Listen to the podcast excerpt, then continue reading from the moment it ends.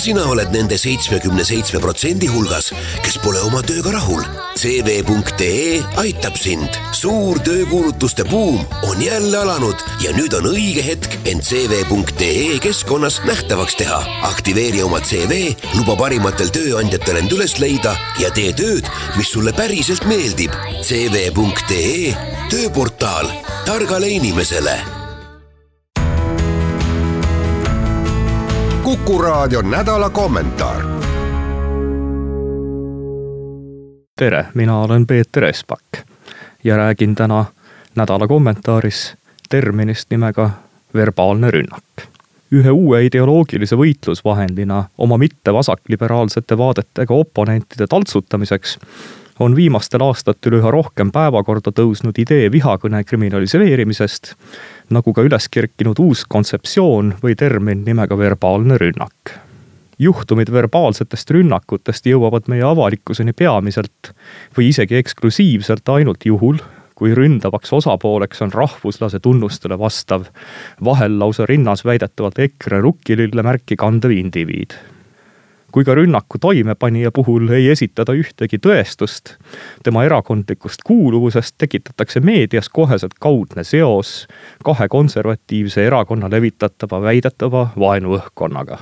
lood verbaalsetest või ka füüsilistest piiride ületamisest jõuavad avalikkuseni võimendatult just siis, kui ohvriks on näiteks sotsiaaldemokraatide parlamendisaadik või välimuselt või muult sättumuselt keskmisest eestlasest erinev indiviid kuid ka vastavasisuliste libauudiste tootmiseks piisab meediale toimunu tõestamiseks ka kellegi sõbranna või sõbra esitatud paarilauselisest kuulujutust Facebookis suure kontrastina tugevalt avalikkuses esil olnud lugudele ründamisest ja vihast tooks aga välja ühe juhtumi Tartust, mida ise koos kümnete teistega pealt nägin. nimelt tülitas purjus inimene süstemaatiliselt kohaliku tuntud lokaali Vein ja Vine väliterrassil kliente keelduva vastuse peale interakteeruda, koukis tegelane tänavasillutisest välja munakivi, millega asus tõugeldes ja nügides veinilokaali kliente ähvardama. muuhulgas lubades kivi käes hoides inimeste pead puruks lüüa. kuna ta kivi inimeste suunas ka loopis, oli tegu ohtliku olukorraga väidetavalt olla kodanik ka noa omanik, mida kinnitasid mõned inimesed, kes olid temaga varasemalt kokku puutunud töötajate kutsel kohale saabunud korrakaitsjad aga mainisid, et antud situatsioonis ei saa võimuesindajad mitte midagi ette võtta. sest keegi pole viga saanud ja ühtegi kuritegu pole toime pandud. anti mõista, et ähvardanud ja ka füüsiliselt tõugelnud kodanik omab samasugust õigust avalikus linnaruumis viibimiseks ja eneseväljendamiseks, nagu veidi viisakama olekuga rahumeelsed baarikülastajad selliseid juhtumeid, kus eelkõige just vägivallatsev ja korda rikkuv osapool ei leia mitte mingisugustki korralekutsumist, on viimastel aastatel olnud sagedased. kui jätta välja sotsiaalmeedias pillutud sõim ja ähvardused või ka emaili teel saabunud hurjutamised, olen aga ka ise ühel korral viimase aasta jooksul sattunud olukorda, mida võiks nimetada verbaalseks rünnakuks nimelt tuli ühes avalikus toitlustusasutuses minu juurde noor vasakpoolne aktivist kes hakkas sõimama ja hurjutama ning proovis korduvalt ka näkku sülitada. tema mure põhjuseks oli eelkõige asjaolu, et ma olla Postimehes kirjutanud mitu artiklit, mis talle ei meeldi. eelkõige Eesti rahva ja kultuuri kaitseks noore mure, inimese mureks oli, tsiteerides tema enda sõnu, valge mees on maailmas nii palju kurja teinud, et Eesti rahvas peabki kaduma seda mitmete inimeste pealt nähtud performance'it ei tõlgendanud ma kuidagi rünnakuna enda vastu, mille peale oleks pidanud näiteks kelleltki abi otsima, sest ühegi inimese turvalisus polnud ohus.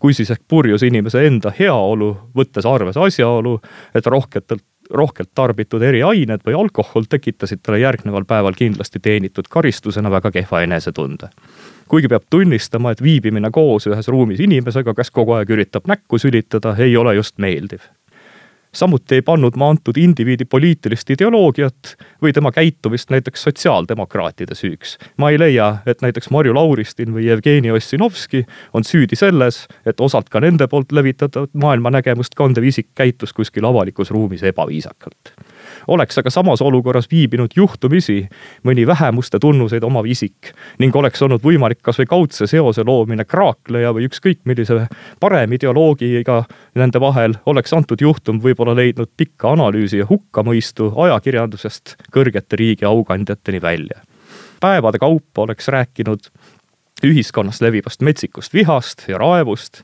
mis tulenevad teatud parempoolsete erakondade poolt loodud vaenuõhkkonna levikust. Mul on igati hea meel, et nii Eesti pearabi solvanud isik kui loodetavasti ka Tarandit füüsiliselt tirinud või müksanud inimesed saavad avalikus kohas ebaviisakalt ja lubamatult sooritatud kõne või teoaktide eest seaduses sätestatud moel karistada. kellegi purjus peaga labaselt sõimamine ja ähvardamine või ka kainelt pikali sikutamine ongi see, mille eest peab kodanikke korrale kutsuma küsimus on aga pigem selles, kas oma õigustele kaitse ja turvalisuse tagamiseks peabki Eestis olema sotside parlamendisaadik, mõne vähemusreligiooni vaimulik või hoopis mitte Euroopa päritolu tudeng. kas ei vaja kaitset vohava rullnokluse eest mitte meie kõik, eriti just ka täiesti tavalised Eesti kodanikud, kes sattununa mingi ähvardaja või kiusaja küüsi, ei leia presenteerimist ei meedias kangelase ega korrakaitseorganisatsioonide poolt eelisteenindamist üleüldise turvalisuse ja korra tagamisel ongi aga kandev roll meedial. õigemini sellis-, sellel, millistest juhtumitest toodetakse esikaanelugu ja mida hoitakse pidevalt avalikkuse tähelepanu all.